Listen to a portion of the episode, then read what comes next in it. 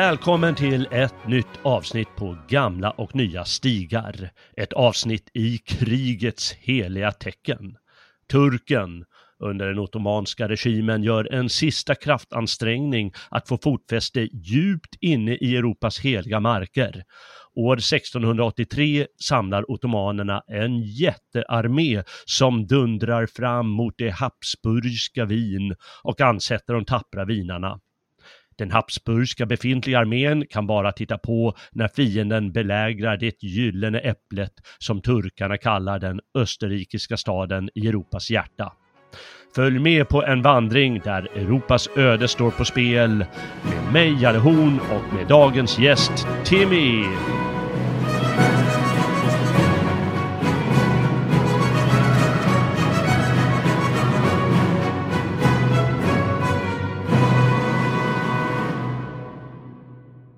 Välkommen Timmy! Tack så mycket, tack så mycket. Ja, härligt att ha dig här. Ja, det är trevligt att vara här. Ja, är du, eh, har du satt på dig uniformen och hjälm och eh, allt vad du behöver? Jajamän, allt är på. Underbart att höra. Jag säger, passar på att säga ursäkta mina hostningar, men det är sviterna från, eh, de säger att det är corona, men jag tror att det är bara någon förkylning jag haft eh, så här. Det kommer alltid lite hosta efteråt eh, när man har så här, grippe. Vad heter grippe? Influensa heter det på svenska. Ja, lungorna tar sig en liten törn efter hostan. Det var ju efter min coronasvit också så även fast jag var frisk så kunde man känna, speciellt när man gick ut när det var väldigt, väldigt mycket minusgrader, då kunde man känna att lungorna var fortfarande lite irriterade liksom.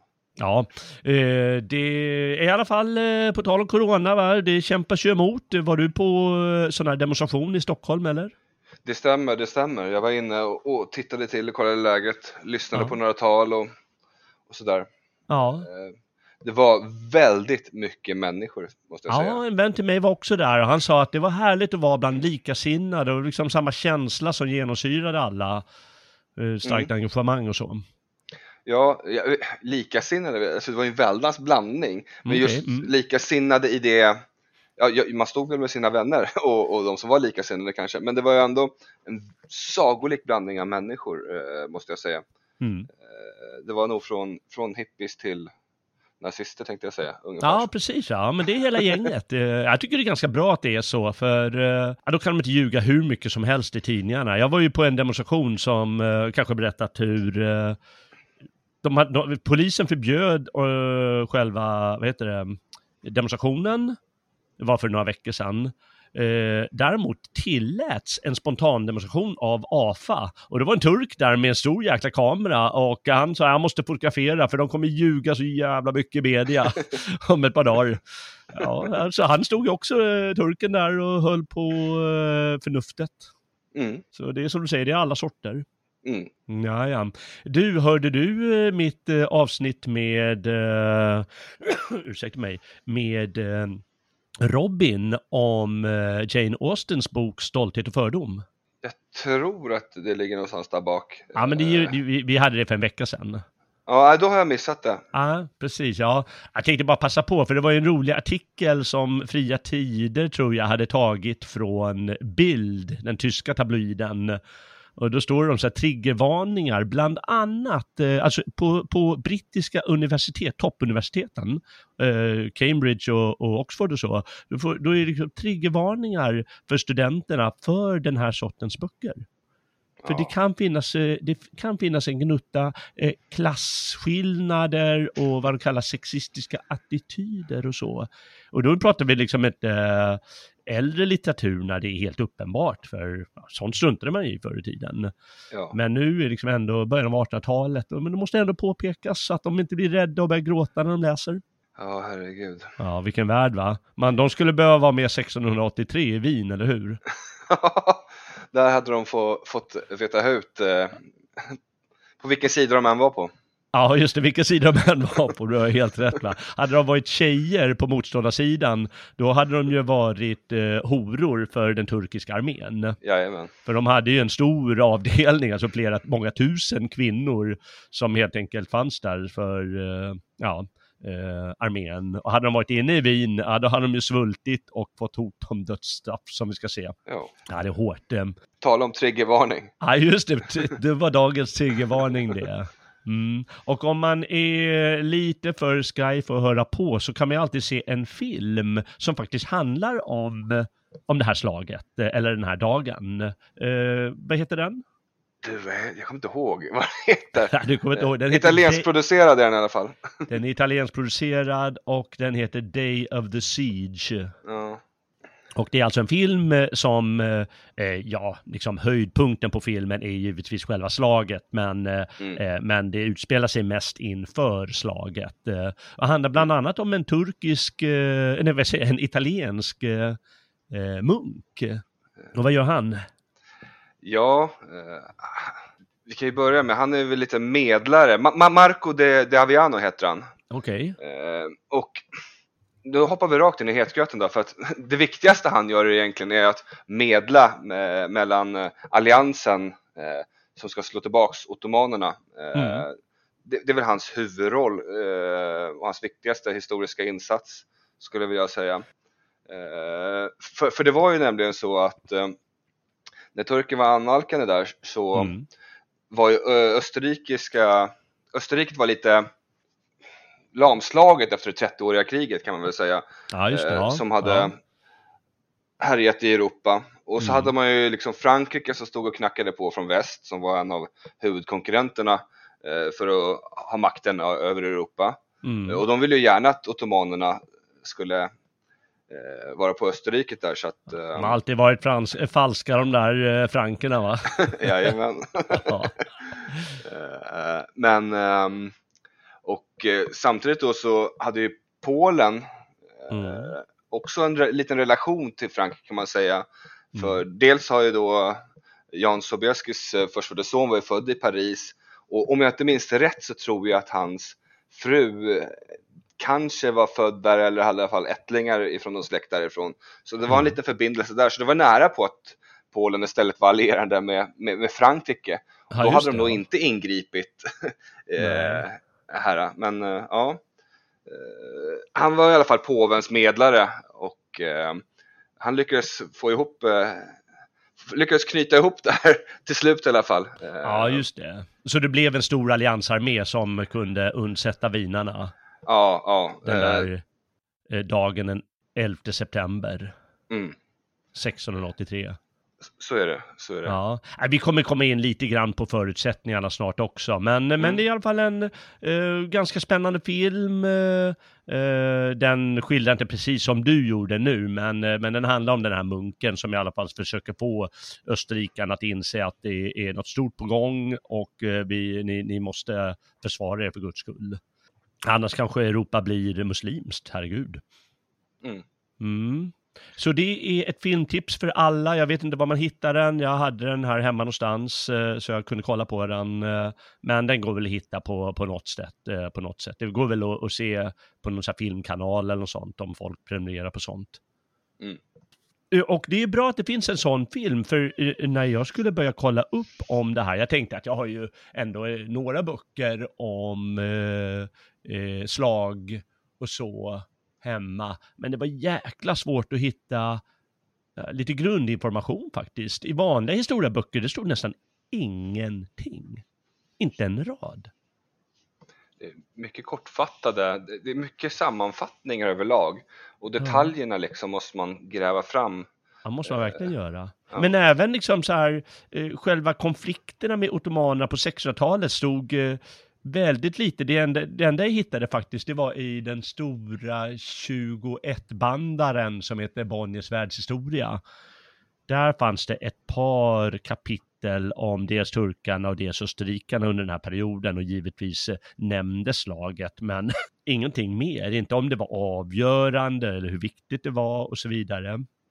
Det ligger liksom helt i skuggan av 30-åriga kriget eh, som eh, liksom alla böcker om den här perioden handlar till 95 procent om det verkar det vara. Den stora konflikten i Europa på 1600-talet. Mm, mm, Och sen om fransk och engelsk historia. 1600-talet är ju Frankrikes stora eh, århundrade, eller grand siècle pratar de ju om. Och, och Englands eh, väg mot stormakt och sakta men säkert under 1600-talet. Men ganska lite om själva det här området och, och sen om slaget. Jag hittade till slut i en bok jag hade, heter Slagfältet under stormaktstiden heter den. Då fanns det ett, det fanns lite om själva slaget då. Mm. Jag, mm. jag, jag för mig att jag har sett, jag är med i en en bokklubb, eh, SMB, Svensk Militärbibliotek. Ja, jag precis. för mig att de har släppt eh, mer detaljerade saker kring, det här eh, för de som verkligen vill eh, gräva sig ner där. Men då måste man bli medlem hos dem för att få tillgång till de här böckerna. Exakt. Och eh. det blir jäkla mycket att köpa vet du, för att hitta precis den här boken. För de, ja. de har ju släppt mycket genom tiden. Jag har också varit med ja. där i 20-30 år. Mm. Eh, sen någon på 90-talet. Eh, och eh, ja, det är ju mycket att köpa och eh, ja, man kan inte, man, man hinner inte med liksom. Det finns ju ihärdiga köpare, de måste ha stort bibliotek tänker jag.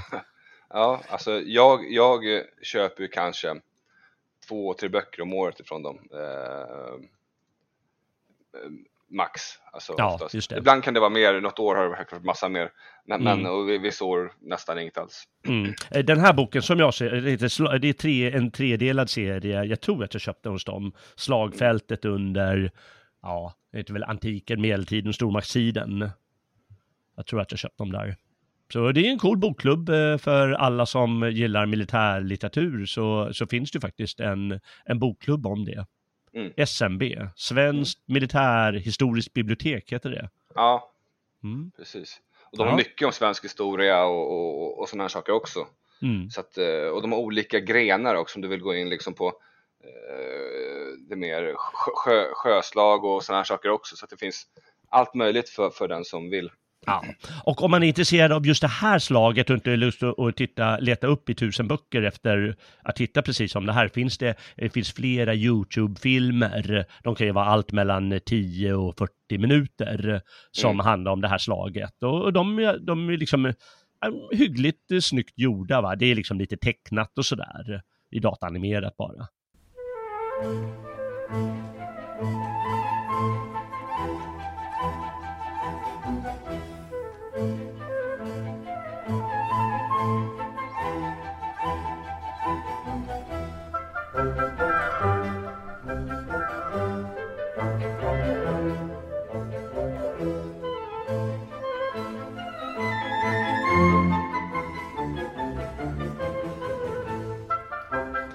Nåväl, vi ska väl säga någonting då om de historiska förutsättningarna. Och du nämnde 30-åriga kriget där. Mm. Och det var ju en, eh, eh, det är inte så många som tänker på det idag, men det var ju liksom som världskriget eh, som pågick i, i alltså omgångar i 30 år. Mm. Och det var framförallt på tysk mark, så det var ju en katastrof på många sätt för uh, tyskt område, ända ner till uh, liksom uh, Österrike då. Det var inte så mycket som var i de österrikiska kärnländerna, men det var ju i, i Tjeckien och Polen så berör, det berördes ju. Och sen så i stort sett större delen av Tyskland. Mm, men det var ändå, det drogs ändå manskap liksom ifrån från överallt i, i Tyskland och Österrike och då blir det ju liksom, det blir mindre bönder som odlar maten, det, det, ja, sönerna går åt på krig istället liksom. Och det var ju många bygder som avfolkades eh, mm. i, i, eh, under lång tid. Och det var ju tyska riket då, kallas det ju för, eh, som eh, i den här konstiga bildningen, det är liksom inte som Frankrike eller England eller Sverige som blivit liksom lite nationalstatsaktiga, utan det är ju ett hopplock av eh, alla ty tyska riken, alltså tyska delar av eh, Tyskland får man kalla det för, och Tjeckien och, och lite Polen och, och lite överallt, eh, lite ja, på Balkan. Norditalien. Eh, Norditalien, precis ja. Eh, det heliga tyska romerska riket fick Exakt, ja. heta till slut. Ja, och under 30-åriga kriget, då, eller sen 1300-talet, så var ju Habsburg den, den främsta ätten och de som lite prenumererade på kejsartiteln i det här tysk-romerska riket. Ja, det, det, är de som har haft det flest gånger. även fast det har hoppat runt bland de olika medlemsländerna så har österrikiska Habsburgarna haft absolut mest kejsartitlar. Kejsaren ja. styrde ju till, till sin död liksom. Så, mm. Och de verkade leva länge oftast. Ja, ja. Men de gick på pumpen i det här 30-åriga kriget eh, och det var ju framförallt på grund av Sverige. Mm. Som eh, kastades in i hetluften där 1630. Eh, då hade Jajamän. kriget pågått i, i eh, 12-13 år. Och eh, Sverige fick ju subsidier av Frankrike som inte var med direkt i kriget men liksom vid sidan om. Eh, och givetvis stöttade alla som såg emot eh, kejsaren eh, som du eh, nämnde förut. Eh, Mm. Så det här Habsburgväldet, det blir ju ganska försvagat eh, på grund av 30-åriga kriget. och eh, under Westfaliska freden 1648 så, eh, ja, själva tyska riket, det löses inte upp, men det är väldigt försvagat så, som rike betraktat. eh. Ja, de hade ju Utan- massa privilegier som gick upp och ner. Alltså, kejsaren försökte centralisera så mycket som möjligt medan Mm. Eh, många eh, utav de här fed- eh, staterna inom och nationerna inom, inom det, det hela tyska romerska riket ville vara mer självständiga medan andra Mm. inte ville vara det.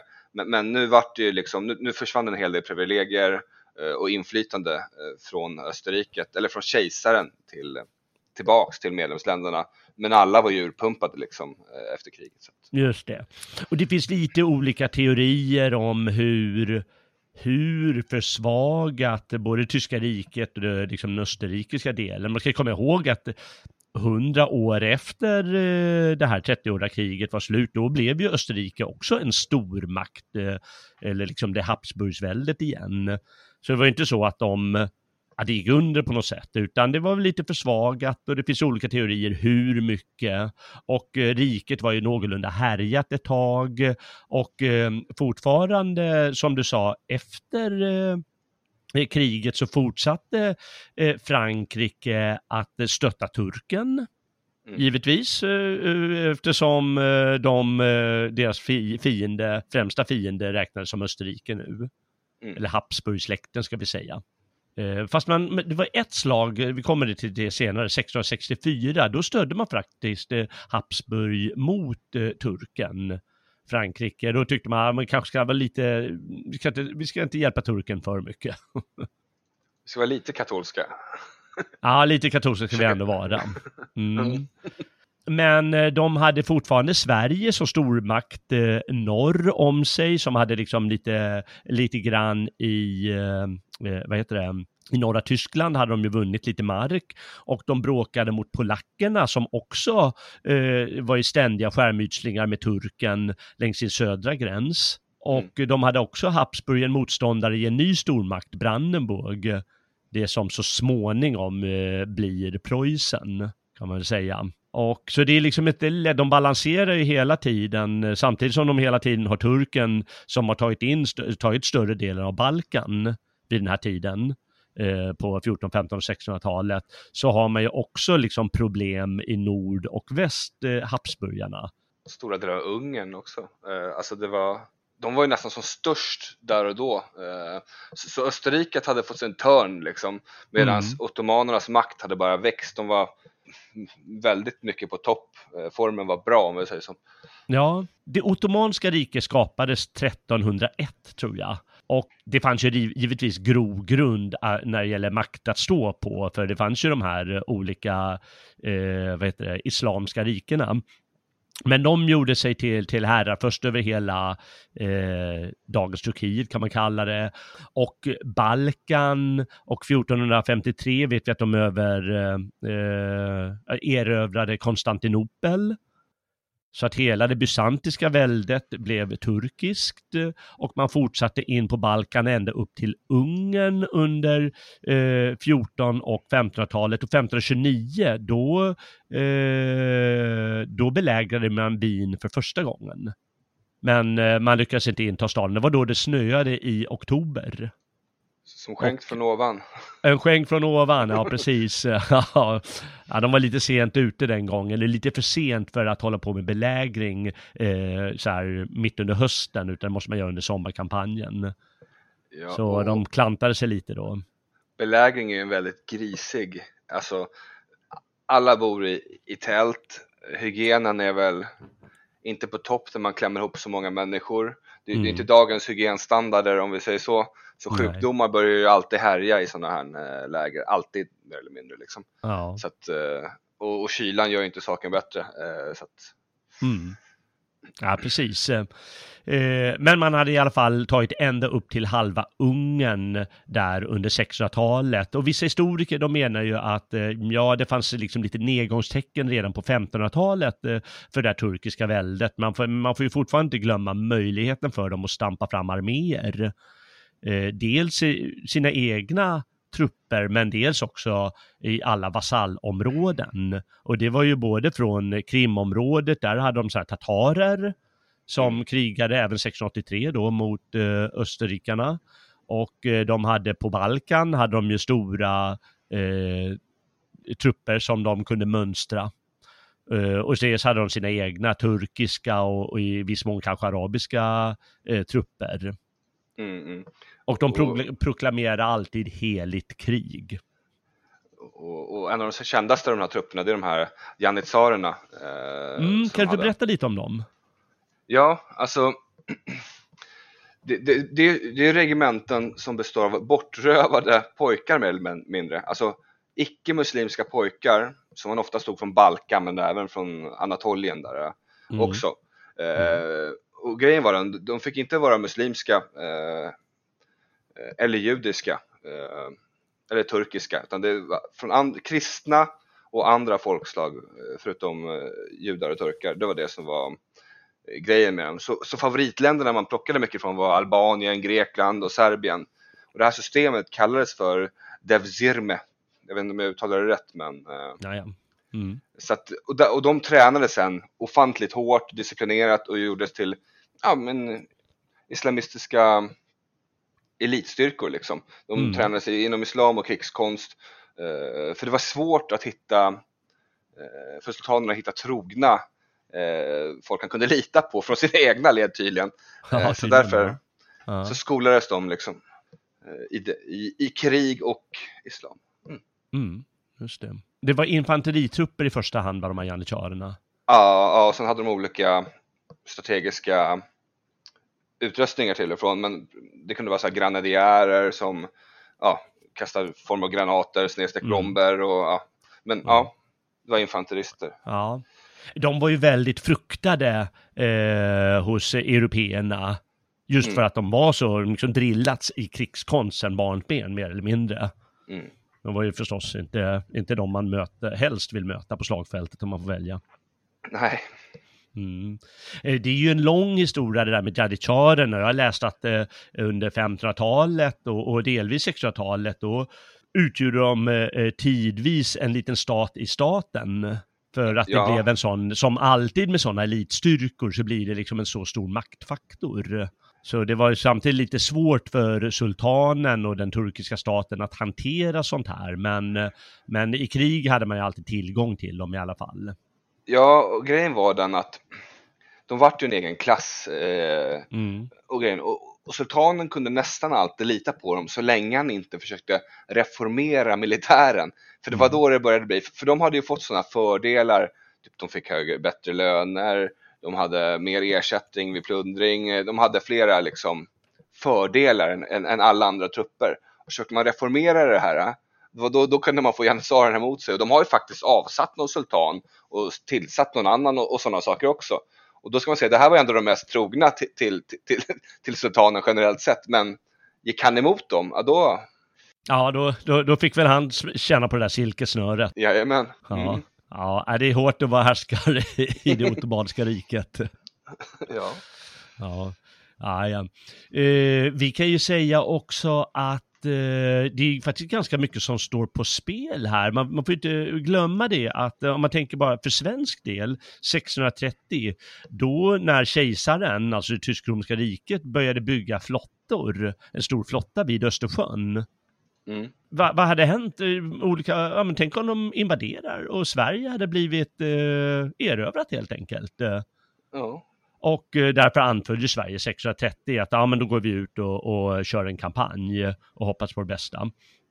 Och lite så måste man tänka även eh, Wien. Det, är ju, det känns ju alltid lite långt från Sverige, liksom när man kommer ner till Centraleuropa. Och det mesta historien, det koncentreras ju på Frankrike och England och, och Tyskland och så. Men sen när man kommer lite längre söderut och sydöst, då är liksom, vi är lite sämre på sån historia känns det ofta som.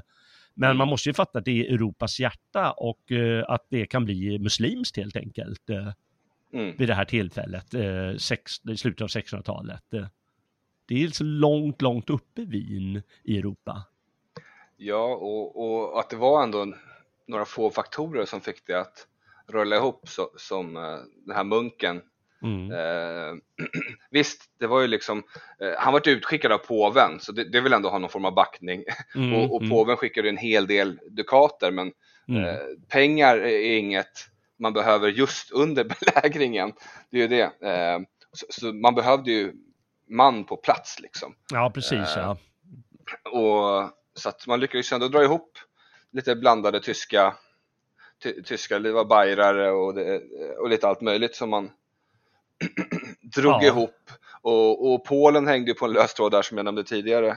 Mm. Men eh, han var ju lovad att om han fick föra eh, befäl över den samlade alliansen så skulle ju han komma med sina 40 000 eh, trupper. Ja, precis ja. Just det, han kom inte riktigt med det, men han, han kom i alla fall med, med ja. en 20-25 eh, 000 Eh, mm. polacker. Vi kan ju säga att Polen som land, eh, det hade också haft en, stor, en riktigt svår stöt någon gång där i mitten av 1600-talet och större del av Ukraina förlorades till Ryssland. Mm. Och det var alltså polskt eh, före och det betyder, betyder att man möjligheten till skatter och, och militär eh, minskar betydligt. Eh, och det var ofta strider om den polska tronen. Och Sverige var ju där och härjade mycket, så det är liksom inte alltid, även och du sa förut att eh, ja, de kunde lika gärna stått på fransk sida som mm. eh, på Habsburgs sida. Men man lyckades samla flera gånger innan 1683 faktiskt allianser mot turken. Eh, vi har ju det berömda slaget vid Lepanto, flottslaget 1571. Eh, Mm. Och 1664 då lyckades man också samla ihop en eh, gemensam armé och då slog man turken i slaget vid Sankt Gotthard eh som ligger 15 mil söder om Wien. Eh, fast då kunde man inte riktigt göra rent, rent hus med turken för så fort, eh, så fort de hade vunnit slaget då drog alla hjälptrupper tillbaka. Ja, men nu räcker det, nu vill vi inte göra mer. Vilket betyder att österrikarna inte kunde liksom bära upp segern. Utan det blev ändå fördelaktig fred för turken, eh, freden vid Vassvar 1664 och då slog man fast en 18-årig fred. Nu kan man räkna 1664, det blir 1682. Mm. Mm. Och 1678 eh, då blev det ett uppror i Ungern. Och Ungern var ju delat då, att halva Ungern tillhörde, hade turken erövrat och halva tillhörde då eh, fortfarande det kejserliga väldet.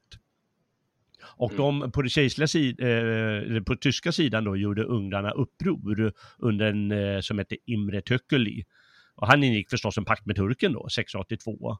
Eh, för att det, och de kom att delta på deras sida i kriget. Eh, så att han, han skulle få bli kung av Ungern och vasall under turken. Och, och, bakgrunden till det var ju att alltså, österrikarna hade gått rätt hårt ut mot eh, protestanter eh, och eh, det fanns en större del i Ungern just då och där som var protestanter. Mm. Eh, som inte ville leva under det, det förtrycket liksom. Mm. Så att de fick ju balansera det här inre stridigheterna, katoliker, protestanter samt hålla eh, muslimer stången österifrån. Det, ja. det är inget lätt. Nej, det är ju inte lätt. Alltså, det, om det är svårt att vara, vara, vara, sultan så är det ännu svårare att vara kejsare i ja. tysk-romerska riket. Ja, det är sant. Ett riktigt getingbo. Verkligen. Eh, men då hade han ungrarna mot sig och turkarna, de, de, hade ju hela tiden, att Österrike var en naturlig fiende givetvis, men dessutom hade 1676 hade fått en ny stor vesir, det vill säga högsta hönset efter sultanen, eh, mm. som hette Kara Mustafa. Och han avskydde österrikarna. Jag vet inte varför, men eh, han tyckte väl om att jobba typen på något sätt. Och givetvis närde väl han sina stormaktsdrömmar. Han kanske drömde om att bli sultan en dag, vem vet. Eh, eh, och eh, han gick hårt fram mot Wien, till och med så att under slaget sen så fortsatte han mot Wien utan att ha fått sultanens tillåtelse. Och Mm. eh, så han var, en, han var liksom en drivande kraft i att få igång en ny konflikt och, och se till att den här eh, freden 1682 inte förnyades, eh, som antagligen var planen. Och det gjorde den alltså inte. Man, vill- jag tror sultanen, vad vi vet, mest ville få, få tillgång till ytterligare området, det där ungerska området som han inte hade lagt under sig ännu eh, i första steget och säkra upp det först. Just Och det, sen liksom smyga sig på vi- vidare med tiden liksom. exakt ja. Ja, han, han hade väl gjort det. Det är lite oklart, det vet man inte exakt hur det Nej. var, men antagligen är det som du säger. Men den här Kara Mustafa, han, eh, han körde sitt eget lopp eh, lite grann där. Mm. Han var, var väl av albansk härkomst tror man. Eh, Mm. Hans far tror jag tror man var det. Eh, och sen så var han ju då storvisir. Eh, men han är uppväxt i, Al- i Albanien i alla fall. Okej, ja. Och som du sa, han hatade eh, Habsburgarna något ofantligt och, och vad man beskriver av hans personlighet så var han väldigt ambitiös eh, och trogen islam och, och det ottomanska riket. Eh, och eftersom han styrde över delar av Europa Mm. eh, så var han väldigt avskydd, inte bara för att han styrde över det men hans skatter var tydligen ofantligt höga. Och det, är typ, det var inte så populärt på den tiden, inte nu heller kanske men Nej, jag förstår det. Ja. Jag läste att han hade 2000 slavar och eh, 1500 konkubiner. Måste varit en kåt fan. ja det är det är mer än en annan. Nej, mer än en annan har, ja verkligen. Eh, Ja, ja. Eh, det, det får stå för honom eh, det där, men krig förbereddes i alla fall. Man hade reparerat vägar ett tag och man mobiliserade tidigt 1683, eller kanske lite tidigare, och man eh, förklarade Habsburgarna krig också. Som sagt, man inte skulle förnya den här eh, fredsavtalet eh, med Leopold den förste, heter alltså kejsaren då, och börjar eh, mobilisera armé och röra sig norrut. Och det var en armé på, eh, det finns ju ganska mycket uppgifter, men har du en ungefärlig siffra? Alltså alla, det sägs allt från 120 till 200 000. Ja, Eh, just det. Men de flesta börjar snacka mest runt 200 till 180, 170. Så Okej. att, eh, det är Ja. spänn- mer spännande med höga siffror. Så vi kanske Ja. köra på dem. Ja, vi, vi, vi, vi fläskar väl på och säger att han hade 200 000 från början i alla fall. Mm. Och då får man faktiskt lägga på det dubbla för att ha med, eh, för trossen och eh, ja, allt bredvidmaterial för att ordna med proviant och jag vet inte allt vad man hade på den tiden. Jag är inte så bra på militärhistoria. Kvinnor också förstås, sa vi förut. Ja, det, är mycket tross. Eh, alltså det, vi snackar ju allt från eh, fältskärare, läkare, sådana som drev på djuren så att man hade med sig, skötte djuren som de hade mat. Eh, Mm. ja men du vet, det, det, det är liksom, det är ju mer en flyttande stad som, alltså, som åker runt. Ja, verkligen. mm. Mm. Och Alla- eh, av de här så eh, tror jag, eh, har jag sett att det var 50 000 tatarer och alla slöt ju inte upp från början utan de möttes ju upp där uppe i norra Balkan. Eh, Mm. Eh, så 50 000 tatarer och 50 000 från eh, norra Balkan. Och sen kan vi säga nästan 100 000 då från turkiska kärnområdet mer. Det är mycket. Jag har skrivit upp 60 000 janitjarer, men sen skrivit upp, jag vet inte, 20 000 är det någonstans jag också har läst. Eh, Mm, ja, jag läste, alltså jag har läst eh, 60 000 eh, janissarer. Okej, ja. Varav eh, som, som kommer från, eh, från eh, Turkiet. Sen så Mm. har vi några också ifrån eh, där eh, Kara Mustafa höll till. Han hade ju sina egna eh, janissarer tror jag också, misstänker jag. Mm. Så att, eh, ja, det var ju, alla har ju sina arméer, det är olika områden, administrativa områden som samlas liksom. ja. Eh, vissa är mer eh, autonoma och andra är mer direkt underordnade ottomanerna. Mm.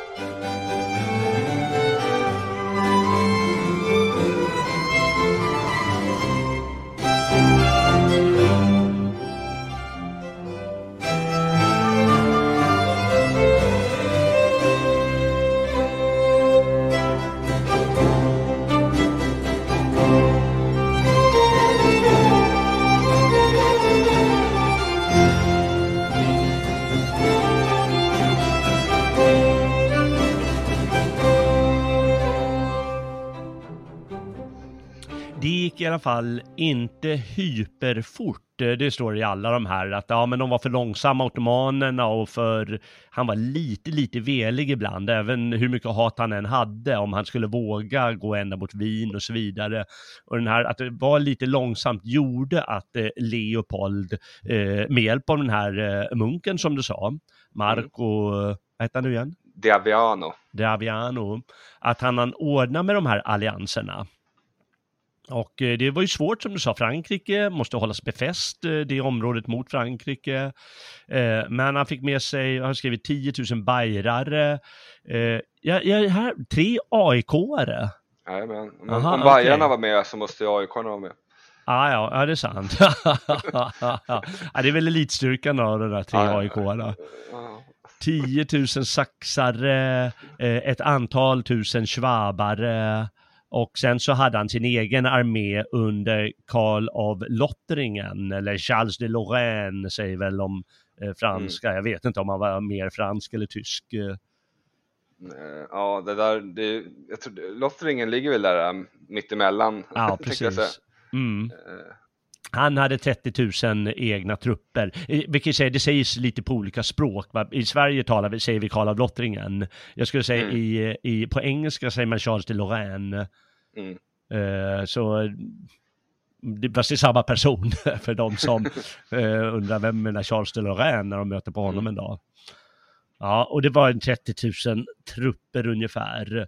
Och påven medlade genom den här Marco eh, Daviano som du sa, så att Sobieski, Sobieski den kung, eh, Polen av kung, nej men kungen av Polen heter det. Polen av kungen. Polen av kungen, att han gick med i den där alliansen. Och eh, han hade ju sina berömda husarer Mm, bevingade husarer till och med. Bevingade husarer, de kan flyga vet du. Ja. Jajamän. Vi ska få höra om dem lite längre fram i programmet. Eh, Nåväl, eh, de, eh, han fick ju mycket betalt och han lovades att eh, få befäl över allianshären och att han skulle plundra först. Eh, så de var tvungna att muta honom rejält, eh, men 31 mars så tog han eh, beslut att eh, lovade komma med sina 40 000 man. Jag har skrivit att han kommer lite mindre, 27 000. Mm, ja, runt, runt 27 säger men de flesta ställena jag har läst. Mm. Och framåt sommaren har turkarna alltså, de har eh, eh fått upp sin armé eh, till eh, eh, mer österrikiskt område. Eh, den ungerska upprorsherren, de förlorade tydligen mot kejsararmén under Karl eh, av Lottringen. Men turkarna körde på och typ på typiskt turkiskt sätt så kör de på hårt så att eh, motståndaren ska bli demoraliserad. Och det är alltså de terroriserade verkligen eh, städer och bygd eh, när de kom i närheten av Wien. Och de eh, sa ju alltid att eh, om ni ger er, konverterar till islam eh, och blir skattskyldiga under sultanen, då ska era liv besparas. Men i en liten stad som heter Perstolsdorf, eh, har skrivit här, strax söder om Wien, där gav medborgarna upp under de här löftena, men de mördades alla ändå. Mm, ja, oftast i alla fall män och, och som de inte hade nytta av. Ja, kvinnor tog man oftast eh, till... Eh, Precis. Eh... och eh, så det var liksom en del av demoralisering och det var ju eh, ett skäl till att vinarna sa att aldrig i livet att vi eh, ger upp för då vet vi vad som händer, då skär de halsen av oss. Mm. Ja. Och eh, då, vi, då, då börjar de närma sig den här Kara Mustafa, han är fortfarande lite svår. Han har skickat tillbaka bud till sultanen och sagt att jag tror det är bäst vi går mot Wien eh, ändå, jag är riktigt sugen på det. Men eh, han fick inte svar i tid så han, han körde på eget sätt. Eh, vi drar mot Wien, han hade inte ens sagt till sina generaler om de här planerna. Nej, och det, det, det kan ju både vara en fördel och en nackdel. Eh, för information kan ju läcka så alla blir lite tagna på, på, på sängen när han väljer att eh, göra det. Hans egna generaler och, eh, och Leopold. Mm. Mm. Just det och eh, vad mer? Jo, jag menar, de hade ju ändå en armé på 30 000 drygt, eh, Mm. eh, Habsburgarna under Karl av Lottringen. Eh, Mm. och han försökte intervenera några gånger, eh, men det var liksom, han kunde inte, man undvek oftast att få till slag, för det var för eh, farligt helt enkelt. Det är bättre att spela, spela schack med motståndaren. Det gjorde Mm. man ofta på den tiden. Man rörde runt, man rörde runt sina arméer. Eh, och de kunde inte gå in i Wien, för eh, man måste ha en rörlig eh, armé som kan liksom, anfalla fienden när det måste till. Liksom. Mm. Så de kunde inte gå in och försvara. Wien hade vid den här tiden ungefär 100 000 invånare. Och av dem flydde så här 60, 70, 80 000 eh, strax före turken kom. Och Leopold, kejsaren, han drog också bort till, jag vet inte om det är Linz eller någon annan österrikisk stad. Det var Linz. Ja, okej. Och eh, lämnade befäl över en eh, man som heter Ernst Rüdiger von Starrenberg. Och han hade alltså 10 000 soldater till förfogande och 5 000 ur statsmilisen. Man kan väl kalla det polistrupper. Mm, mm. Och sen vanliga medborgare så småningom när det börjar hetta till. Och tänk dig det liksom, aha, vi har alltså 15 000 som ska kämpa mot 200 000 turkar. Jo, men det är ju det, murarna gör mycket eh, faktiskt. Eh, och ha för stor andel av befolkningen kvar, det, det går ju åt mat liksom. Eh, Mm. eh, Så att det ska vara lagom. Alltså det, vi är i början av juli nu och eh, de, Starenberg eh, tillsammans med sin eh, chef för ingenjörstrupper, de gör allt, de jobbar dag och natt för att befästa det, eh, byta ut liksom lite yttre palissaddelar som är, har blivit ruttnat och sådär och sätta dit nya eh, spetsiga pålar och eh, få in krut och mat och, och allt annat man måste ha i staden jag läste lite om belägringskonst eh, eh inför programmet. Eh, och eh, på 1400-talet fortfarande, då hade man inga bra kanoner. Men kring år 1500, då, då skapade fransoserna riktigt starka kanoner som kunde jämna murar rätt hårt eh, när man de, de rundade av. Och eh, då utvecklades ju snabbt två delar av belägringskonsten. Dels att belägra med hjälp av kanoner och vad, man, vad mer man måste göra kommer vi att höra snart. Eh, och sen förstås eh, befästningskonsten. Mm. Och eh, eh, Wien, de hade befäst då eh, lite enligt den här principen att man istället för att det är murar som är rakt mot i skottriktningen så att säga, att den, så försöker man göra dem lite mer eh, vinklade mot skottriktningen så att det blir nästan som en zigzagmur. Mm. Och lite bastion. Stjärnförsvar. Vad sa du? Blir liksom, man tänkte lite mer som en stjärna nästan kan man tänka. att Ja, sticker ut. precis. Just det, städerna var stjärnformade. Murarna var lite stjärnformade och hade så här bastioner som var liksom lite eh, triangelformade. Mm. Allt för att det inte ska bli liksom en, en rät vinkel för de här kraftiga kanonerna och, och eh, ge eld på. Så det var en konst och han var, han, den här eh, Rimpler heter han, chefen för ingenjörstrupperna, Georg Rimpler, han hade bland annat varit i Kandia, en stad på Kreta som turkarna belägrade i 20 år. Mm. Han hade varit där hela den tiden och eh, så han var, han var expert på eh, turkisk belägringskonst och eh, hur man ska försvara det på bästa sätt. Ja, och, och det som kan sägas om han, han, han var faktiskt, han värvades till den svenska armén när han var 20 år. Ja, Så han har faktiskt lite, han, han var med i belägringen av Riga eh, och våra vägnar och, och sådana saker faktiskt. Och när han kom ner till Kandia så gjorde han det Mm. med, med en svensk, eh, svenska trupper faktiskt för att hjälpa till lite grann.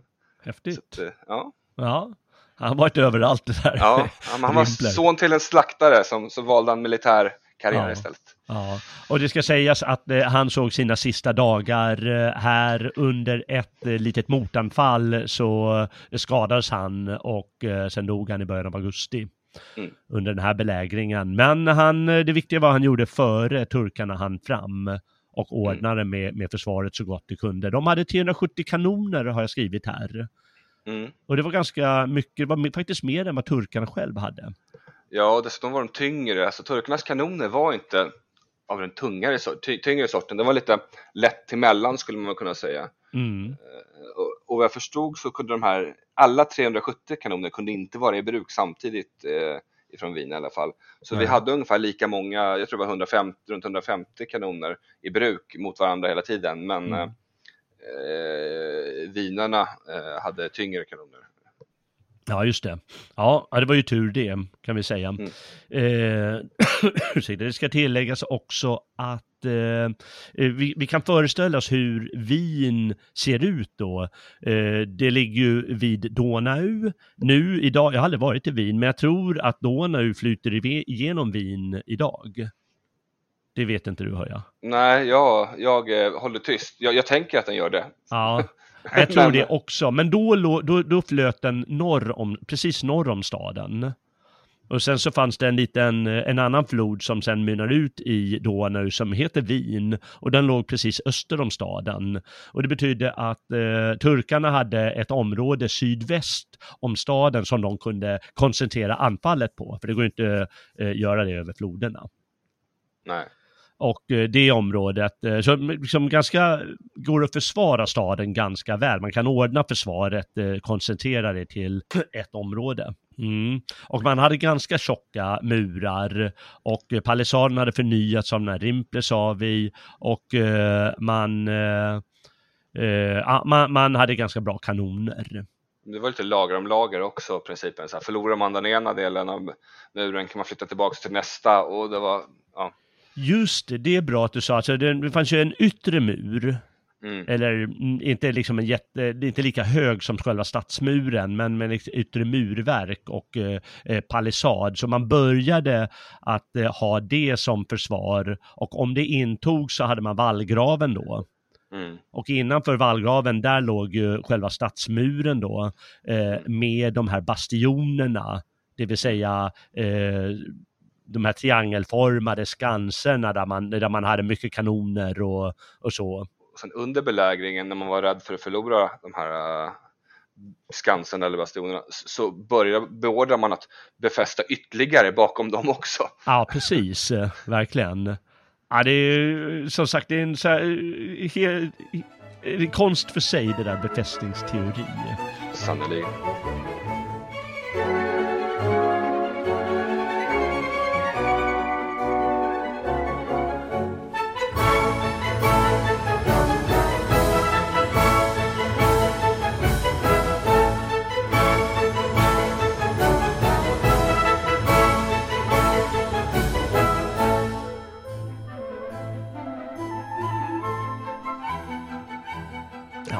Eh, I alla fall, turken anlände eh, 14 juli. Och det var ju en naturlig tid för belägring. Eh, det var ju lite sent ute som vi sa att det hade påbörjat att bildas allianser. Men det var ju långt till det fanns trupper på plats, tillräckligt med trupper. För de här 30 000, de såg sig slätt mot 200 000 turkar den här österrikiska armén. Så de fick vackert sitta och bara och kolla på när turken kunde komma in och belägra stan. Och efter ett par dagar då hade man slagit en ring runt hela stan. Ja, från det hållet som de kunde slå eh, ringen. För, Ja, för, ja, som precis, vi sa ja. tidigare. Mm. Ja, de hade väl säkert belägrat lite på andra sidan Donau också med, med lite trupper, men det var inte anfall därifrån. Nej, precis. För det är svårt att simma och ja. På tal om simma så eh, tänker inte så mycket på det. Jag var en tid utan telefoner och sånt. Och man behövde ju ändå ha eh, kontakt med eh, den här armén, undsättningsarmén. Dels den här som fanns på plats, 30 000, de hade liksom slagit läger en, en bit bortom stan. Eh, fast utan att söka strid då. Eh, och dels så den undsättningsherren som skulle komma. Och eh, då skickades ju budbärare hela tiden fram och tillbaka. Och det var ju väldigt modiga typ, eh, typer som antingen var tvungna att simma över Donau och sen smyga iväg eller smyga igenom eh, den turkis, det turkiska lägret. Mm. Och det var ju folk som gjorde, några åkte ju dit och blev torterade och fick eh, avslöja lite vad som fanns i stan. Andra eh, lyckades ta sig igenom. Och då fanns det tydligen en som är väldigt känd, det var en polsk adelsman. Ska vi se, han hette Kulczycki. Mm. Och han, eh, han står, har skrivit här, han kom tillbaka efter att ha smugit ut en gång, kom tillbaka den 17 augusti för att ge nyheter till staden. Då hade det alltså varit belägrat i en månad.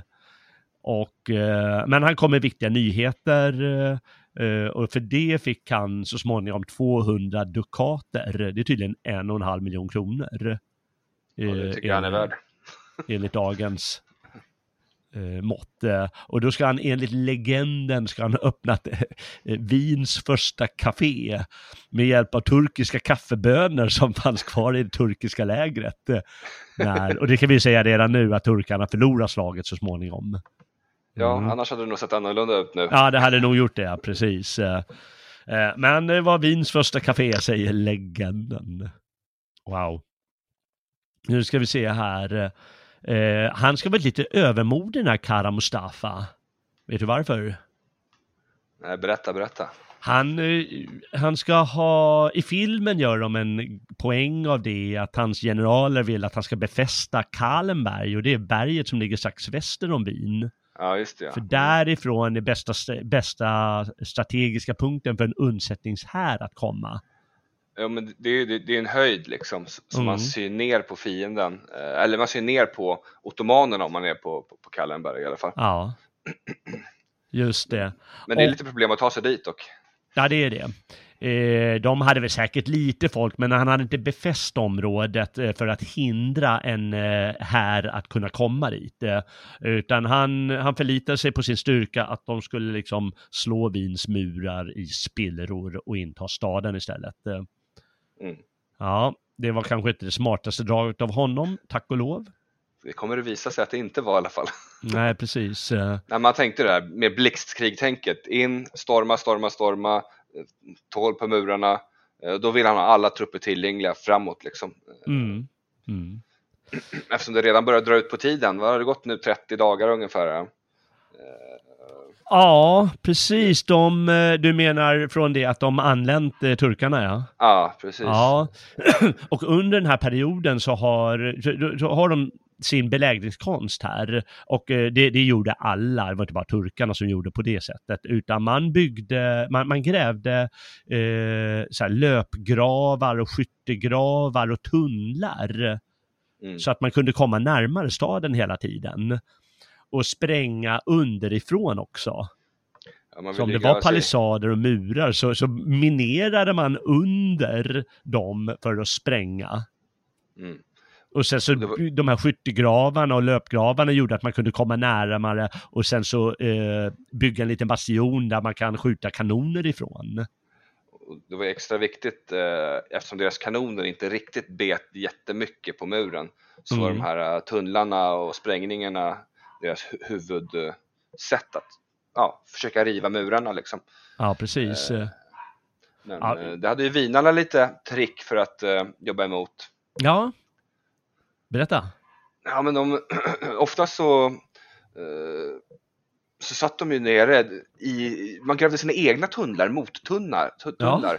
Så Ja. satt man liksom och, och, och lyssnade med, med olika lurar, de här klassiska eh, nästan som små trumpeter i öronen och, och så hade man andra saker för att detektera att nu vibrerar det här, nu gräver någon i närheten. Eh, Mm.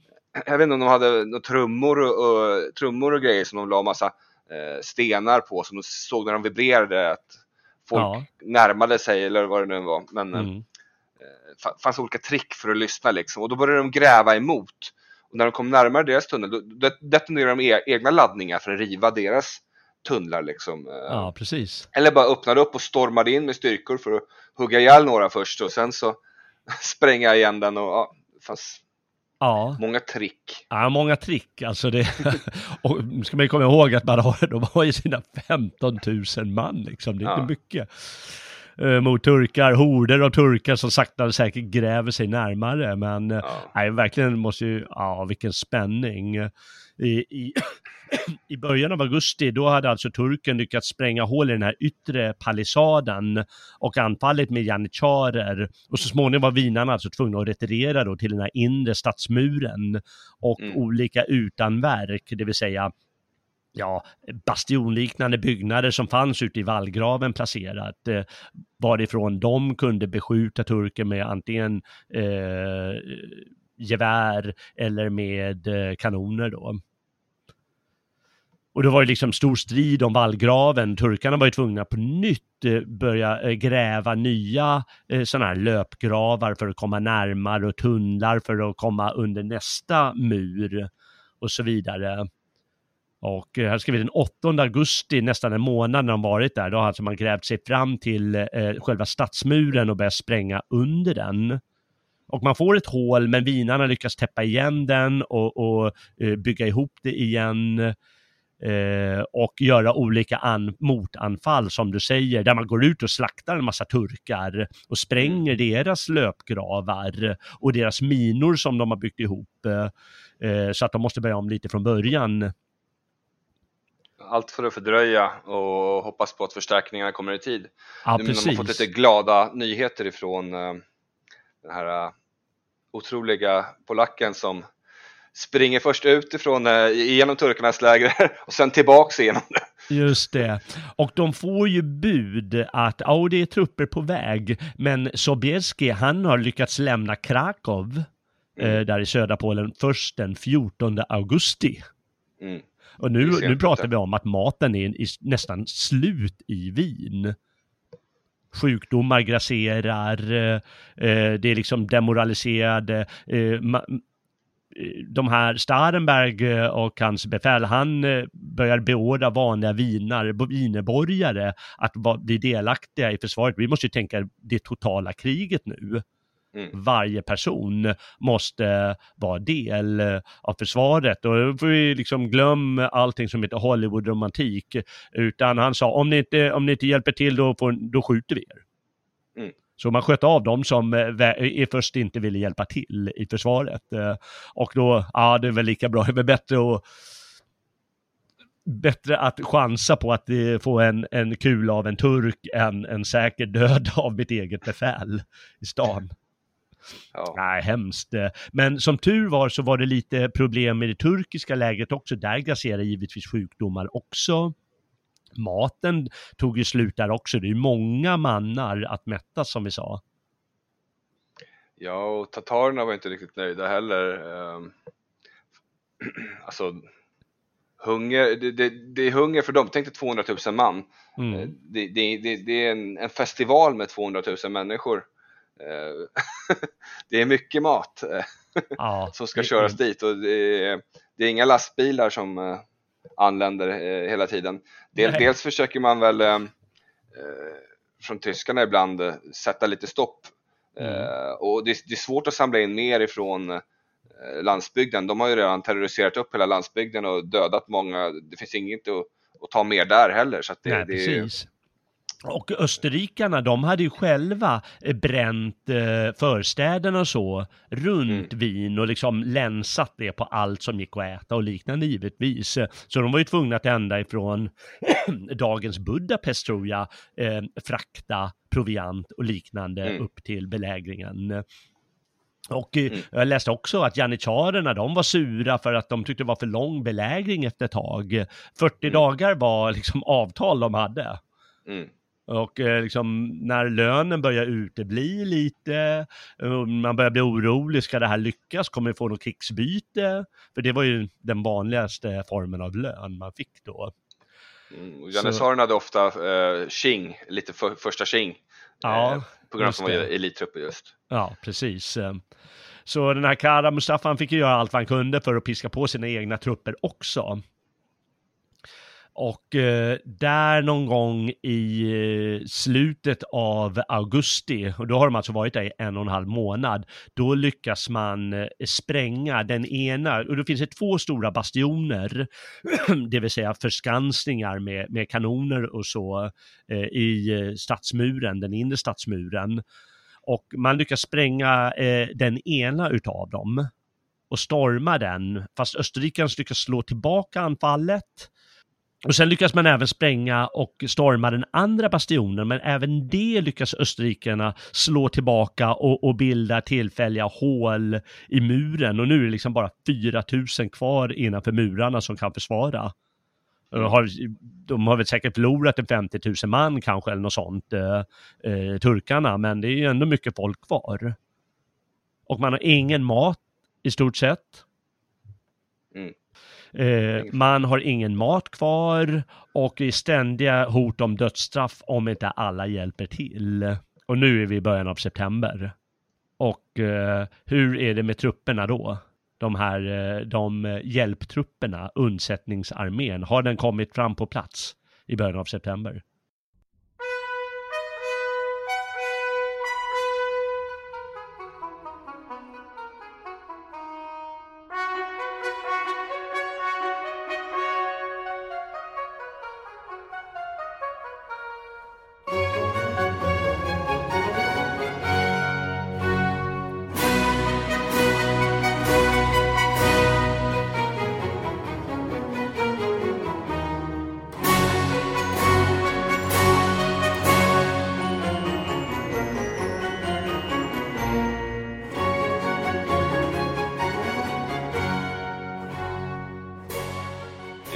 Alltså på kvällen där så har det börjat, har det börjat bli redo för att uh, göra några drag i alla fall.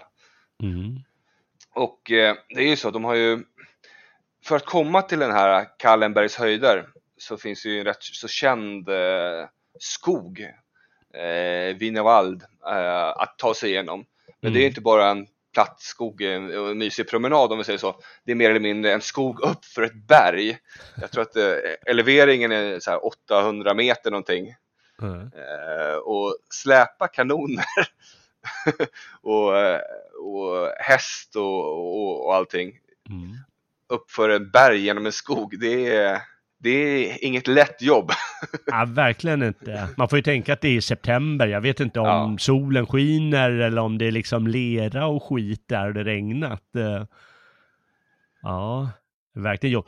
Jag läste också att eh, liksom, skogen är ganska tät, så man kan liksom inte ha vanlig eh, proviantering, alltså proviantkärrorna eh, kan inte gå, så det var väl ungefär att man fick ha sig en baguette, eh, mm. soldaterna fick bära lite baguette, så man fick ju ingen riktig mat heller, utan Nej. käka lite bröd som man kunde bära på sig kanske.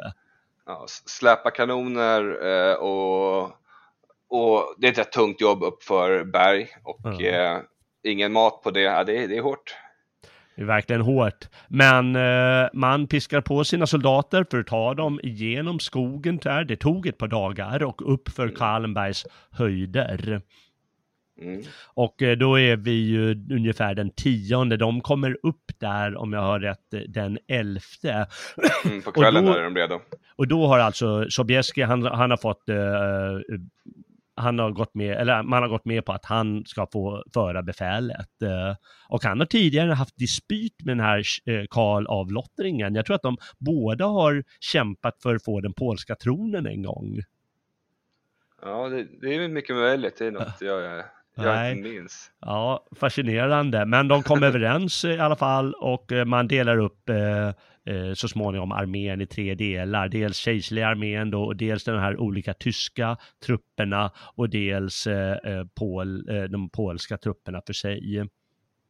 Och man klättrar upp för berget då med sina kanoner och, och sina hästar som man måste leda förstås eh, genom skogen under ett par dagar utan mat, eh, mer eller mindre. Nu börjar dra ihop sig. Och vad ska vi se här, då är det den 11, armé, 11 eh, september de kommer fram på kvällen där och mm. kan eh, eh, så att säga förbereda för nästa dag. Då, då slaget kommer att stå. och ja. då ska tydligen Sobieski, han, han ska ha gått upp och ska han kollat ut över det blivande slagfältet och ganska snabbt har sagt ja men de står dåligt. De har, de har ställt sig dåligt, vi kommer att eh, segra. Mm. Och, ja. och grejen är den, de var, nu vart det lite bråttom i det ottomanska, eller i turkarnas läger så att säga. Ja. så de började ju med bygga lite försvarspalissader eh, bakåt nu också, men eh, mm. långt ifrån vad de hade kunnat göra om de hade gjort det från början. Ja, precis. Han var ju som sagt lite övermodig. Han trodde att det här är liksom, ja men det, de, de, de slår, antingen slår vi dem lätt eh, eller så kommer vi lyckas inta staden. Och han avsatte givetvis folk till slaget. Det var ju helt nödvändigt. Eh, eh, ska vi se om jag har skrivit upp hur många. 80 000 man där. 80 000 man eh, till slaget när man fortfarande har en 15-20 000 som fortsätter belägringen. Och då har man förberett en massa stora minor som ska eh, tändas på och eh, göra slutligt hål i, eh, i stadsmuren så att man kan välla in och inta mm. staden.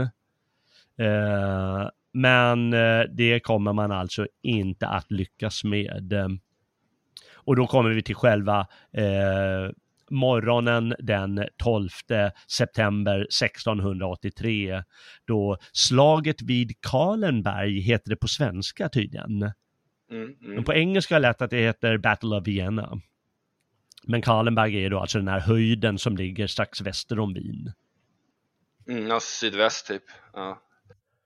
Vad händer då? Jag kommer ihåg att eh, eh, den var som sagt tredelad, den eh, alliansarmén. Eh, till mm. vänster, eh, på vänstra delen av höjden, där hade vi eh, Karl av Lottringen och de mm. kejserliga mm. trupperna. En mittsektion, där hade de olika tyska trupperna, Bayern och Saxarna och Schwabarna och allt vad de var. Mm. en 20 000 man, 25 000 man kanske. Och på den högra flanken, där fanns den polska, de polska trupperna, 5000 eller något sånt eh, mm. mannar. Och hur många av dem var beridna husarer sa du? Jag tror att det var runt 3000 säger man. Eh, mm. Så att, uh... Kan du berätta lite om de här husarerna? Ja, uh, alltså husarer överlag var ju någonting som fanns runt på Balkan och, och Ungern och, och i Polen. Uh, och grejen var det, det, från början var det ett lätt kavalleri för att de kunde rida runt de här tyngre kavallerierna kavallerien och, och, och, och, vara inne på flankerna på dem också. Så att det gjordes väldigt bra. Och, men under typ 1500-talet ungefär, då tog de polska husarerna en helt ny riktning och var gradvis någon mittemellan grej, att de var lite tyngre men fortfarande smidigare än det tunga kavalleriet. Och sen så vart de bara tyngre och tyngre. Så att vid den här tidpunkten, då var de nog så mest utrustade de kunde vara. De hade nästan er, de hade ersatt liksom det man förr i tiden kallade för tungt kavalleri, typ riddare liksom. Mm. Eh, och det hade ju för, halvt försvunnit ifrån liksom resten av Europa. Mm. Eh, men det var kvar här för det gjorde sig bra när de mötte de här stepp, eh, tartarer och sådana här saker. Mm, okay. eh, så, så, som också var väldigt beri, beridna liksom.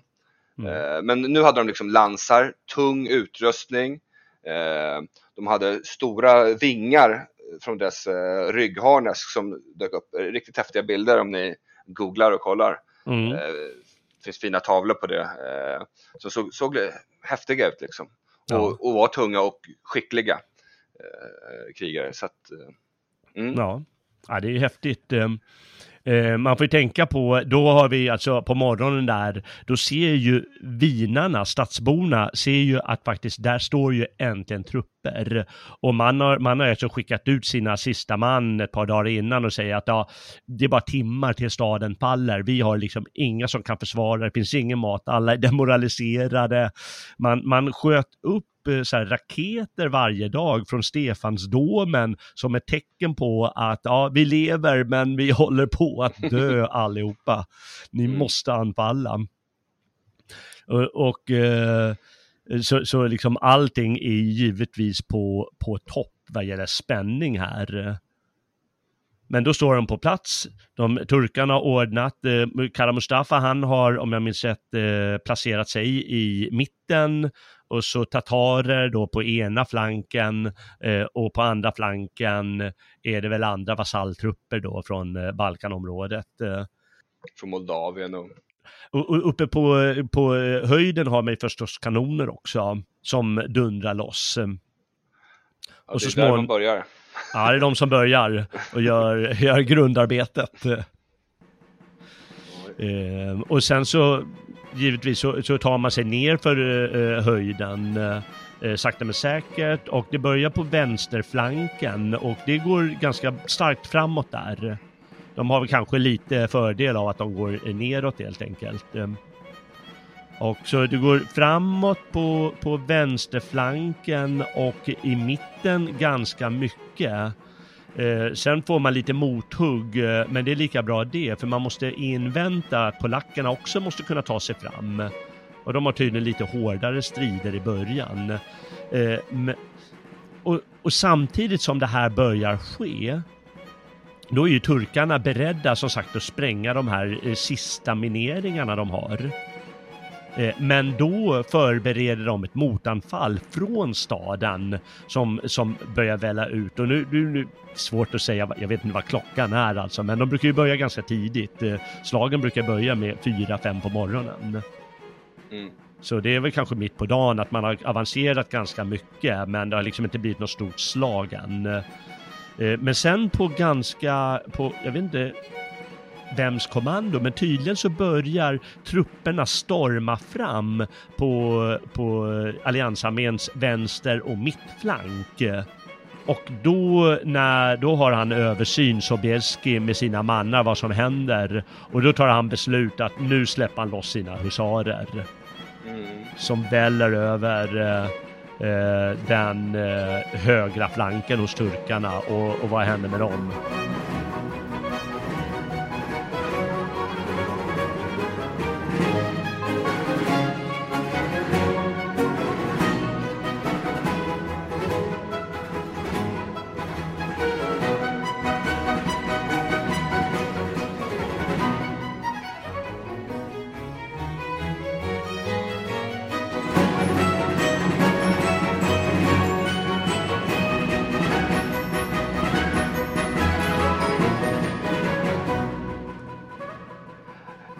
Blir re rejält överkörda om vi säger så.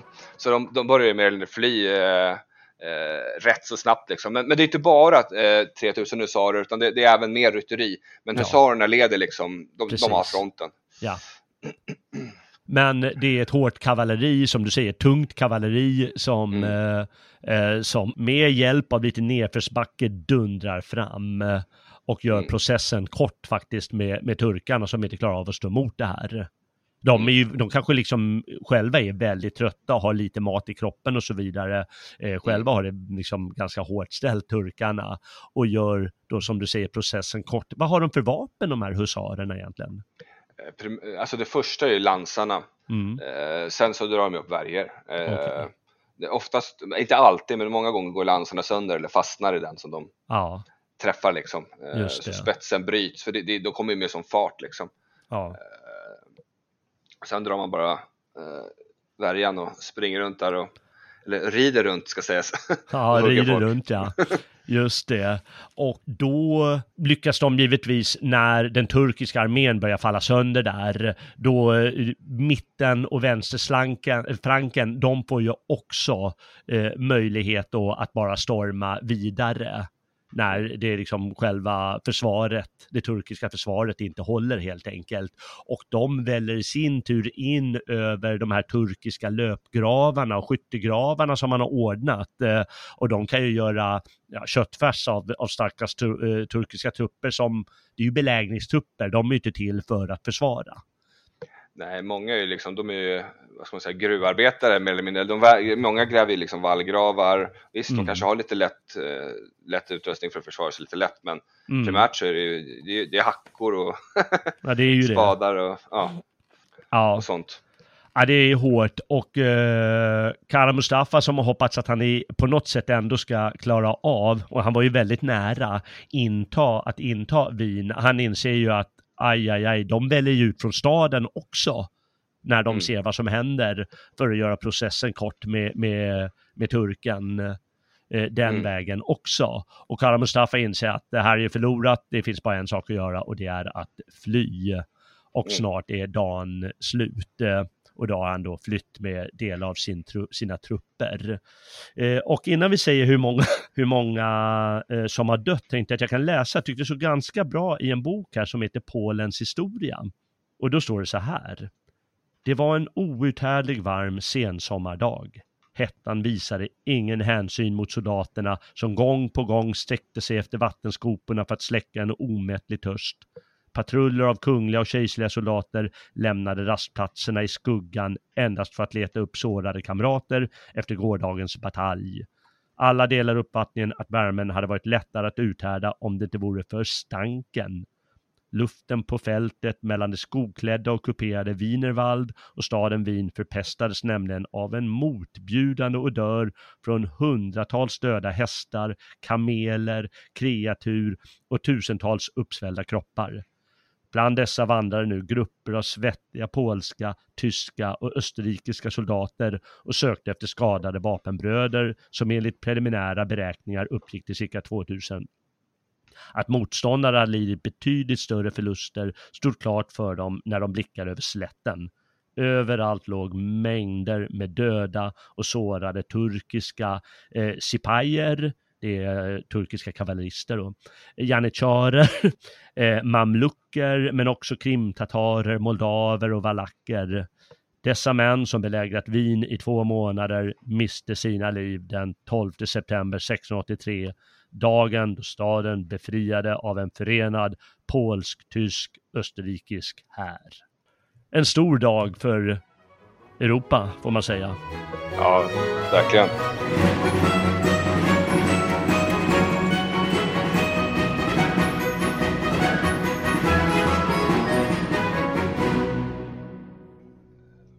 Och hur många, hur, hur, hur stora blev förlusterna då? Eh, alltså, det var faktiskt fler turkiska förluster under belägringen än vad det ja. var under slaget. Ja. Men, men, det är över 60 dagars tid ungefär. Mm. Så det dog ungefär 20 000 turkar under belägringen. Mm. Eh, och staden då förlorade runt en 12 000 av sina trupper, så de hade inte mycket kvar att äh, stå i med om vi säger så. Nej. Eh, och under slaget då så dog runt en 15 000 turkar och det är rätt mycket för ett slag eh, eh mm. faktiskt. Mm. Ja, och det, dog runt 4 000 eh, tyskar, öst, ja, från alliansen runt 4 000 eh, tysk-österrikiska, polska trupper och runt 1300 polacker eh, utav dem. Men vi, de lyckades tillfångata runt en 5000 turkar också efter. Mm, just det. Ja, otroligt. Eh, stanken på Wiens slätter. Mums. Oförglömlig syn, vedervärdig givetvis, men ja. vilken suck av lättnad de stackars vinarna måste ha dragit. Eh. Mm. Efter två månaders stenhård belägring. Och får man tänka att det är kanoner som viner varje dag. Mm. Otroligt. Och det var ju mycket som stod på spel får man säga. Eh, Wien, men man kan ju inte tänka kanske huvudstäder som vi tänker idag. Att Stockholm skulle gå förlorat. Eh, på, eh, Wien var ju bara en stad av många. Ehm, så det är kanske inte hela världen, men det har ganska strategiskt läge Wien för att kontrollera handeln eh, söderut och österut. Och eh, dessutom givetvis att eh, få ett eh, fäste i Europas mitt hos turkarna. Det hade ju varit en katastrof på många sätt för, ja, den, den, för den, öster, för den Habsburgska, eh, för det Habsburgska riket, men också liksom den rädsla som infinner sig. Det är ofta det som är det mest skrämmande. Oj, oj, nu står turken där, nu slår muslimerna där, nu är janitjarerna runt hörnet. Ja, jag tror att det var, jag tror, jag tror att det var mer kritiskt än vad du tror. Alltså, hade de fått vin, mm. Eh, då hade de liksom kunnat fortifiera om det. Eh, och, och, och, och liksom ha det som, som du sa, handeln, ah, så mycket handel gick via den. Visst, den går ju att styra om och sånt, men det blir stora omvägar och det försämrar ekonomiska aspekter. Eh, och, och, för, och, all handelsvinst de gör ur ekonomisk synpunkt från det, bara där eh, gör en stor skillnad. Mm. Och, och, och liksom ha den som utgångspunkt för nästa erövring av delar av Europa vidare liksom. För det österrikisk, Österrike kanske hade Habsburgska väldet kanske hade fallit till stor del, eller i alla fall i de östra delarna liksom. Mm. De hade ju mer mark västerut så, att säga och, och vara vid. Men, men ja, det är inte långt från norra Italien då och, och, och där efter det så Rom liksom. Ja, Det, det var ju det- liksom, Det var ju turkarnas mål, har de sagt nästan från början. Att först ska vi ta Konstantinopel, sen ska vi ta Wien och sen ska vi ta Rom. mm, Ungefär den vägen. Eh, ja, hundturken som man sa på den tiden. mm. Ja, han var inte att leka med, men eh, uppenbarligen klarade man det här med nöd och näppe och eh, många, många kilo mod. Mm. Inte minst av de här tappra vinarna som höll ut i, i, i två fruktansvärda månader. Ja, allas insatser var, var bra och stora, men jag tänker, jag tänker mest på vinarna och sen på de bevingade husarerna, för, Ja. dels för att det är så coolt liksom. Men, Ja, det är fan, vil- vilken syn att, eh, Mm. att se, som du säger, änglar bara storma ner mm, och, och göra rent hus med, eh, med fienden. Ja. det sägs ju att eh, Tolkien tog inspiration av det när han skrev någon scen där eh, i, till Sagan om ringen, eh, när de rider ner för slätten för att frigöra, eh, vad heter det, fortet. jag kommer inte ihåg, men ja, så att eh, det har inspirerat till eh, andra stora sagor och sånt där också. Ja, det, det gjorde han ju helt rätt i att låta sig inspireras av det här. Ja, ja Mm. det kan jag fatta det. Underbart. Vi kan lägga till att eh, eh, Kara Mustafa då, vad hände med, med honom? Han flydde härifrån och eh, tog sig bort till Belgrad och vad väntade honom där? Jo, sultanen skickade ju det här äh, berömda vad det, sidensnöret till, eh, till honom, eller till janissarerna kanske. Mm. Eh, och där väntade det sig att han skulle, han dömdes till döden helt enkelt och, och, och ströps ihjäl. Ja, en stark scen i filmen eh, för de som eh, vill se på den. Ja, det är så det går. Jag vet inte vad, vad deras seder var. Många gånger tar man ju livet av sig i ett sånt läge, men eh, han eh, kanske lät sig eh, strypas på det sättet, att det var sed eh, då. Jag vet inte. Men Nej, ja, det det är så det går. Va? Antingen vinner man eller förlorar man.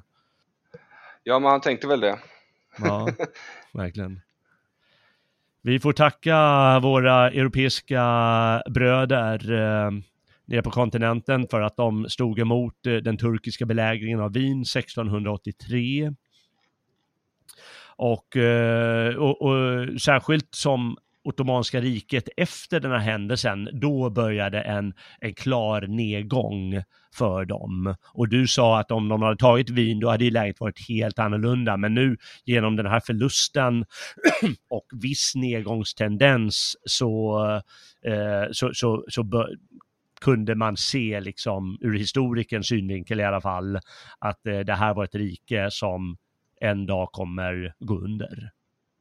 Mm, mm. Även om det tog ett par eh, eh, hundra år till. Så, Mm, eh, munken där, alltså Marco Diaviano, Mm. han var ju med på fler fritagningar sen av Budapest och, och Belgrad efter också. mm, Och, så han vart ju, när han väl dog så fick han eh, bli begraven där bland, i Habsburgarnas lilla kyrka också, i samma kammare som dem. Så att, eh, otroligt. Ja. ja, han var ju hjälte han också förstås.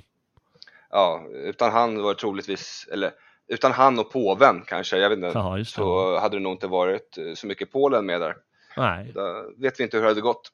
Ja, och de spelar ju en huvudroll som du sa med sina bevingade husarer. Mm. Mm. Nej, fantastiskt. Eh, eh, det är en väldigt spännande historia, det måste man verkligen säga. Eh, en stad som håller på att falla och där man måste till och med avrätta dem in i staden för att få dem att kämpa, för annars går alla under.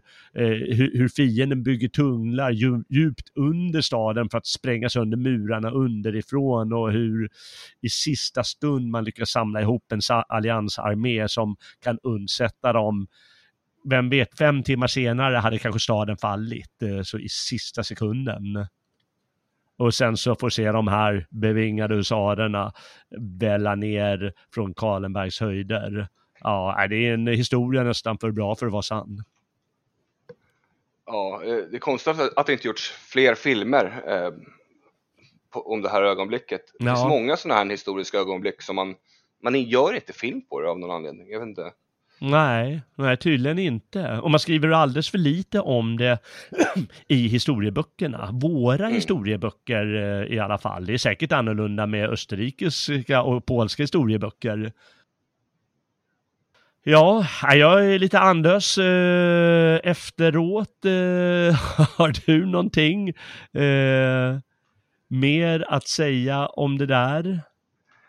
Nej, det finns så många sidospår att ramla in på så att eh, men jag tror att vi får, vi får, vi får spara dem till fler, fler poddar. Ja, vi får göra det. Det finns många slag eh, och det finns många spännande eh, eh, skeenden i europeisk historia och svensk historia givetvis att eh, att berätta om och prata om och allt vad det är. Eh, stort tack för, att, eh, för, för, eh, din medverkan Timmy, det var storslaget. Ja, men, tack så mycket och tack för att jag fick vara med. Det är, är kul att få prata historia med en vän. ja, verkligen. Jag, jag säger detsamma och jag hoppas att du återkommer hit till stigarna. Ja, men dyker upp något, något spännande historia så, så kan du säga till. Så brukar jag finnas där. ja, jag lovar att säga till och jag, eh, jag hoppas att eh, lyssnarna eh, ser fram emot det. Eh, jag ska säga också att eh, nästa avsnitt eh, av Gamla nya stigar, det ska handla om något så spännande som frimurare och andra hemliga sällskap. Fast där är inte du gäst, eller? Nej, inte vad jag... Inte, jag har inte fått någon inbjudan än i alla fall. Nej, du har inte hört det. Ja, ja. Nej, tyvärr, eh, du är inte inbjuden den här gången. Det är Magnus Söderman som eh, kom med ett eh, bra förslag. Så vi ska, vi ska samtala om det i nästa program. det låter spännande. Ja. Ja, det ska bli, ursäkta, än en gång. Det ska bli väldigt spännande. Eh, men för den här gången måste vi säga eh, eh, tack för en, eh, en spännande podd att eh, samtala. Stort tack för din medverkan, eh, Timmy. Tack för att jag fick vara med eh, igen.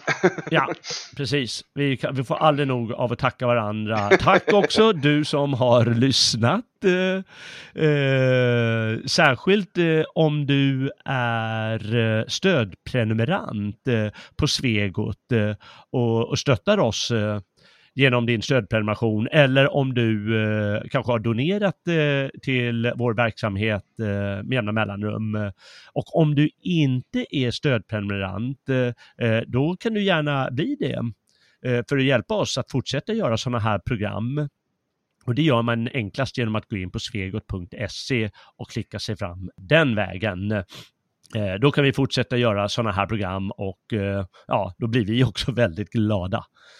Eh, vi hoppas att du tycker att det var spännande dagens avsnitt och eh, återvänder hit till stigarna nästa gång när det ska handla om hemliga sällskap, frimurare och andra spännande saker med mig eh, och eh, Magnus Söder.